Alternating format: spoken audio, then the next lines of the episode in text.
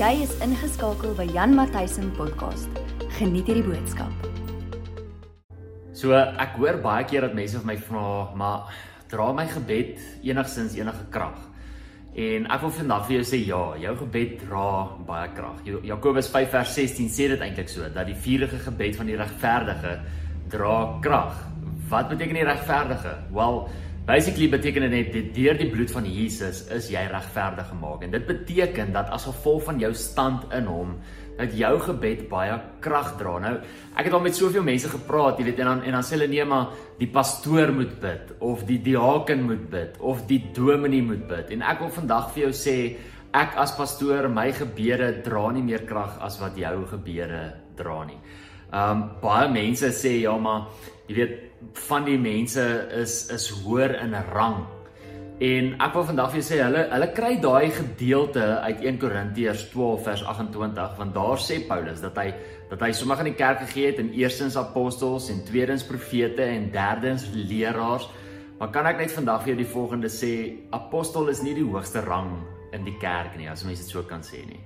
Die hoogste rang wat jy kan hê in die koninkryk van God is die feit dat jy 'n kind is van die Here. Dit is die hoogste rang. Dink gaan hierdie volgende gedeelte in in Lukas 9 kom God en hy praat met 'n hoorbare stem uit die hemel uit vir al die mense wat om Jesus staan en wat sê hy? Hy sê hierdie is my geliefde seun, hoor hom. Hy het nie gesê hierdie is my geliefde apostel nie, hierdie is my geliefde profeet nie want Jesus was 'n profeet en hy het beweeg in apostoliese bediening. Um maar dis nie wat hy gesê het nie. Hy het gesê hierdie is my geliefde seun.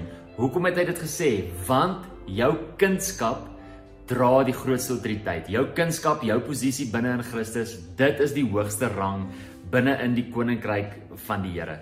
Johannes 1 vers 12 sê, "But as many as received him, to them he gave the right to become children of God." Die oomblik wanneer jy tot wedergeboorte gekom het, het jy die reg gekry om 'n kind van God genoem te word. En dit beteken dat jou gebede baie krag dra. Jy sien ons ons dink partykeer dat sekere ouens soos profete 'n hoër rang het en dat hulle gebede meer kragtiger is. Maar hoor selfs in Jakobus, ons het nou vers 16 gelees. Hoor wat sê vers vers 17. Jakobus 5 vers 17 sê Elia was 'n mens net soos ons. Elia was 'n mens net soos ons en hy het gebid en dit het opgehou reën. En toe bid hy weer en toe begin dit reën. So kind van die Here, kan ek net vandag vir jou sê, hê geloof in die feit dat jou gebed baie krag dra.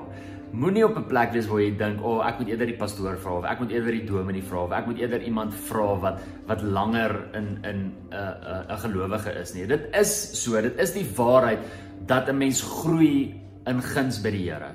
Ek meen mense sien dit selfs in Lukas 2 vers 52 dink ek. staan daar dat Jesus grew in favor with God and men. So dit is sodat 'n mens groei um in guns by by die Here.